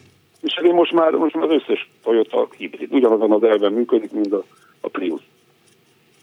De nem érdekel a nagy autógyártóknak, hogy, hogy beszálljanak abba a versenyben, amit a Toyota, mint több tíz éve kezd, kezdte el fejleszteni az üzemekcélvát a Toyota. Uh-huh. Nagy lemaradásban vannak az autógyártók. Egy elektromos autót könnyebb összerakni, mint egy, egy. Gondolom, én nem vagyok szakértője. Biztos, hogy számos oka van, én nem értek ezekhez a műszaki technológiai dolgokhoz, csak abból indulok ki, hogyha egyszer megvan egy megoldás, amelyik egyértelműen jobb és kivitelezhetőbb és profitábilisabb és a környezetre is jobb hatással van, mint az elektromos, akkumulátorral működő elektromos meghajtású autó, akkor miért nem erre váltanak át az autógyárak? Nem Kell, hogy legyen több oka is. erről, de nagyon sok mindent Valamiért elmegy most a hangja, egy kicsit közelebb tartsa a készülékét talán. Itt vagyok, nagyon nem tudom, jobb, megyek egy kicsit odébb. Nem készültem fel arra, hogy beszéljek, de sok mindent olvastam én a hidrogén autókról, az elektromos autókról. Nekem az elektromos autók nem nagyon tetszenek. Ami ez a Toyotának az autóját 3-5 perc alatt meg lehet tankolni. Uh-huh. Még egy, még egy Teslát is 15-20 perc alatt lehet föltölteni 80 ra Igen. a használati értékben ez jobb lenne. Az, hogy miért nem teget még el egyelőre a hidrogén előállítása még nem annyira gazdaságos, de olvastam volna egy olyat, hogy, hogy egy startup cégnek sikerült a dízelolaj árszintjére lehozni az hidrogén előállítását. Nézze, szerintem ilyes, ilyesmiken múlik, mert hogyha ha ez gazdaságilag versenyképes lesz, akkor szerintem elindul a verseny, hogy én akarok ebből elsőnek gyártani, én akarok ebből többet gyártani, mert ez a piac egyértelműen vonzó lesz a vevőknek, és engem nem érdekel, hogy majd mi lesz 20 év múlva, engem az érdekel, hogy most, jövőre, 5 év múlva én legyek a piacon a vezető erő. Szóval nincs, nem hiszek egy olyan összeesküvésben, hogy ó, nem akarunk átállni, mert, mert akkor majd nem fog kelleni az autó a vevőknek, de akkor a hidrogén meghajtású autó lesz majd az, ami a vevőket érdekelni fogja. Azt akarják megvenni, és lesznek olyan autógyártók, amelyek azt mondják, hogy igen, akkor én fogom ezt gyártani, én akarom ebből a profitot megszerezni. Szóval, hogy miért nincs a többi autógyárnak hidrogéncellás autója, nem láttak benne fantáziát.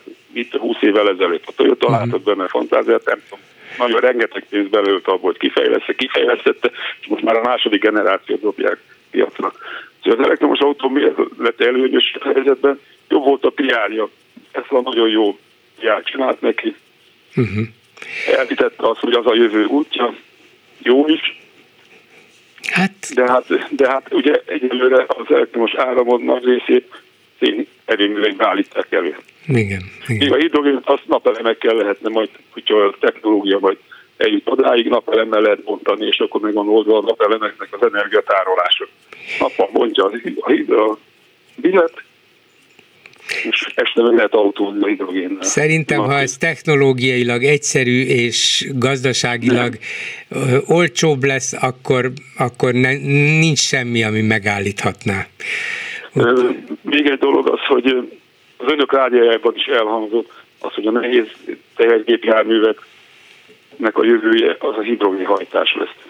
Ugye ez is egy kamion akkor a tömegű akkumulátort kellene gyár, igen, állítani, igen. hogy elmenjen 1000 km vagy 1200 km, hogy szinte fél rakomány akkumulátorból áll. Igen. Míg a, egyébként Nyugat-Európában építik ki a hidrogén kutakat. Pont emiatt, mert hogy a kamionokat arra fogják átállítani. Igen, szóval a lényeg az, hogy itt az egész vita azért alakul ki, mert kell-e Magyarországnak ennyire beszállni a akkumulátorgyártásba, valószínűleg nagyon sok érv szól ellene. Az, hogy maradjunk ki belőle, az szerintem nem reális, nem is volna helyes gazdaságilag sem, de hogy ilyen mértékben szinte minden kártyánkat erre tenni rá, ez, ez veszélyes, ez, ez gazdaságilag is, meg sok szempontból az emberek aggodalma miatt is ez veszélyes. Hát az ország olyan, amikor az ember elmegy zületezni, és minden pénzét ráteszi. Hát igen, ő, igen, igen. Nem, mint a nullára. Így van. Köszönöm szépen. Nincs mit. Viszont hallásra. Háló, jó estét kívánok. Jó estét kívánok. Varga Pál vagyok. Engem Orbán Viktornak a Facebook bejegyzése hát ragadtatott arra, hogy fölhívjam őket, tehát hogy elmegy Brüsszelbe megvédeni Magyarországot. Igen. Na most, hát ez az, amitől én félek. Ugyanis amikor ő megvédi Magyarországot, valójában megutáltatja Magyarországot, tehát amit művel. Már nincsenek szövetségeseink. Már a lengyelek is csak formálisan a történelmi barátságra hivatkoznak, de, de nincs már mögötte tartalom sikerült elérni azt, hogy az elmúlt 12 évben Orbán Viktor az ország arcává vált. Tehát bárhol megjelenik rólunk külföldön hír, őt mutatják. Na most hát illések és pofonok között vannak különbségek, ugye? Ha én ránézek Orbán arcára, nekem egy püffet varangyos béka feljutott eszembe. És hogyha valakinek visszataszító a külseje, megjelenése, és ráadásul még visszataszító nézeteket is van, az a kettő nem összeadódik, hanem összeszorzódik. Így aztán, aki ellenszenvet érez Orbán iránt, az kivetíti Magyarországra. Úgy is mondhatnám, aki utálja Orbánt, az nem szereti a magyarokat Na de hát vannak barátai, akiknek tetszik az ő arca, Giorgia Meloni, Marine Le Pen, a magyar társadalom fele, ránéz Orbánra, és azt mondja, ez az ember kell nekem. Nekik feltétlenül szükségük van szövetségesekre, hogy ne szigetelődjenek el. Így aztán utána kapnak mindenkinek, akivel valamiféle legkisebb közös nevezőt találnak. De ők is látják, hogy ez az ember nem szalonképes európai ember. Biztos vagyok benne, hogy ők is látják. Hát igen, és ők is nyilván a saját céljaiknak megfelelően akarják felhasználni egyébként a kis Magyarország nagyra nőtt miniszterelnökét. Mert Nem azért... nagyra, szélesre. De hát annyiból nagyra, hogy mindenhol ő van, mindenhol az ő arca, mindenkinek mindenhol ő, őróla jut van, eszébe Magyarország, van, vagy van. Magyarországról Orbán jut eszébe, és ez elég, elég nagy baj. De hát azért ezek nagy országok, akár az említett Olaszország, vagy Franciaország, és az ottani politikai vezetők, akár miniszterelnök, akár ellenzéki vezető, ezek megint a saját politikai céljaiknak megfelelően használják és használnák Orbánt. Nem gondolják azt, hogy Orbán irányítson minket, az szerintem eszükbe se jut. Inkább ők használnák Orbánt. Igen, igen, igen. Köszönöm. De, igen, mondja tovább nyugodtan, ha van. Hát, ha még időben vagyok. Persze. Úgyhogy amit ők nemzeti együttműködés rendszerének neveznek, az valójában a nemzeti szégyen rendszere. Nem jó dolog ma külföldön azzal hencegni, hogy magyar vagyok. Nem, nem jó dolog, mert egyből Orbán jut eszükbe, és az irántuk értett ellenszemvüket már is érezhetjük magunkon. Hát sajnos, igen, igen. Ez így van, ez így van, és nem tudunk ellene semmit tenni, ugye ez, a, ez az igazi dráma, hát hogy... Én, nekem volna ötletem. nem ö, választásokat kéne nyerni ellene, hanem bírósági pereket. Csak hogy olyan bíróság elől, ahol nem ő nevezi ki a főügyész, meg a bírót. Mivel lehetne, mivel lehetne bíróság elé állítani? Elmondom azok az országok, Európa Uniós országok, ahol nettó befizetők, ez azt jelenti, hogy amikor az állampolgár befizeti az adóját, annak egy bizonyos része ugye bekerül az Európa Unió kasszájába, és azon keresztül eljut Magyarországra. Tehát amikor mondjuk egy német adófizető befizeti az adóját, akkor ahhoz kerül Mészáros Lőrinced is és itt lehetne keresni, megtalálni a jogi lehetőséget, hogy akkor azt mondja ez a német adófizető, hogy én nem azért fizetek adót, hogy Magyarországon ellopja, és nem magyar bíróság előtt kéne tárgyalni az ügyet, hanem német bíróság előtt. Azon az alapon, hogy ahol teljesítem az adófizetői kötelezettségemet, ott szerzem meg a jogomat, hogy ellenőrizhessem a, a pénzemnek az útját. Uh-huh. És hogy felelősséggel lehessen vonni a tolvait. Igen, értem. Val- valahogy ebbe az irányba mennék el. Van is valami jogi logika ebben, kétségtelenül. Igen, jó, hát ez egy érdekes út volna minden esetre, befizetnék rá. Hát, köszönöm szépen. Köszönöm, viszont hallásra. Viszont hallásra. Háló, jó estét kívánok. Jó estét kívánok, Gombás Péter vagyok. Igyekszem gyors lenni, három percünk van. A hidrogénről, meg az akkumulátorról. Nyilván nem szeretnék Kadári Péterrel bármibe is vitázni, mert a szakértelme az messze át tőlem és fölfele, tehát egy jegyzett szakember az energetikában, meg komoly, komoly múltja van. Nyilván, mint az Akkumulátor Szövetségnek a vezetője nem fog az akkumulátorról rosszat mondani, és én sem akarok az akkumulátorra. Én el akarom mondani, hogy a probléma az akuval, paksal, és mi a hidrogénnel. Az aku, a paksal, meg az akkumulátorgyára az a baj, hogy sumálkonnak, és nem nem tájékoztatták a, a, a, a lakosságot, hát emlékszik Pas, hogy lett elfogadva utána, hogy lett évtizedekre. Tehát nem az a baj, hogy ne kellene akár nekünk egy új erőmű, hanem hogy nem így kellene. Tehát itt nyilván, hogyha én titkolódzok, akkor van mit titkolóznom. Ugyanezt történt Debrecenben is, itt a héten, vagy múlt héten azért megszólaltott egy helyi, helyi nem politikus, aki végigvitte ezt az ügyet, és elmondta, hogy, hogy hogy nem tájékoztatták a hivatalos elvtársak se tudták, hogy mekkora lesz és hogyan. Illetve, hát itt a Kader Péter is beszélt, hogy a víz mellé kell telepíteni. Nem emlékszem, hogy elfolyik a Duna Debrecenbe, tehát ez, de mindegy. Tehát a, igazából nem az akkumulátor, akkumulátorgyára az a baj, amit, amit a, a, a Boyer Gábor is elmondott, hogy nincs, és amiben valóban jelenik meg nem sokára a közgazdasági szemlébe a a kolléganőnek az írása arról, hogy semmilyen komparatív erőnyünk nincs az akkumulátorgyártásban, és tám még munkaerőnk sincs annyi ott a helybe, hanem az, hogy nem tájékoztatják. Ha ez annyira jó, akkor előre oda kell menni az embereknek, és meggyőzni őket hogy jó. Tehát ezzel, ezzel ez a probléma, mert egyébként valóban nem tudjuk, hogy milyen, ja, milyen, milyen tevékenység fogod folyni, hogy, hogy vegyipari, vagy csak simán fémipari, egy simán összeszerelő, semmit nem tudunk. Egyébként a vízfelhasználásnál mindenki arra gondol, hogy nem csak felhasználják azt a vizet, ott, ott napi több ezer köbméter ipari szennyvíz keletkezik. Mi lesz a befogadó? Építenek-e szennyvíztisztítót ipari gyáron belül? Ezek nyilván majd, majd elő fognak kerülni, úgyse tudunk semmit csinálni, lásd Gödön is, ugye.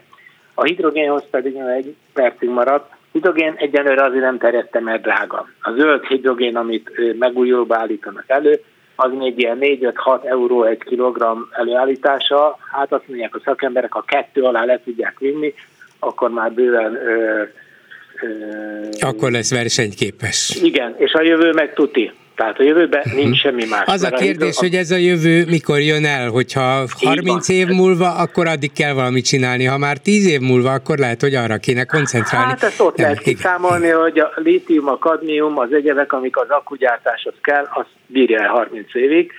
Tehát ezek el fognak fogyni, a víz nem fog elfogyni, és a napenergia se fogy el, tehát csak a zöld hidrogén a, a jövő de sajnos jelenleg még, jó elmondta az előző-előző telefonáló, hogy van technológia, megvan, ez működik, csak egyenlőre még még az ár miatt. Nincs össze. Igen, igen. Elmélet. Köszönöm szépen, jó lezárás volt. Viszont hallásra.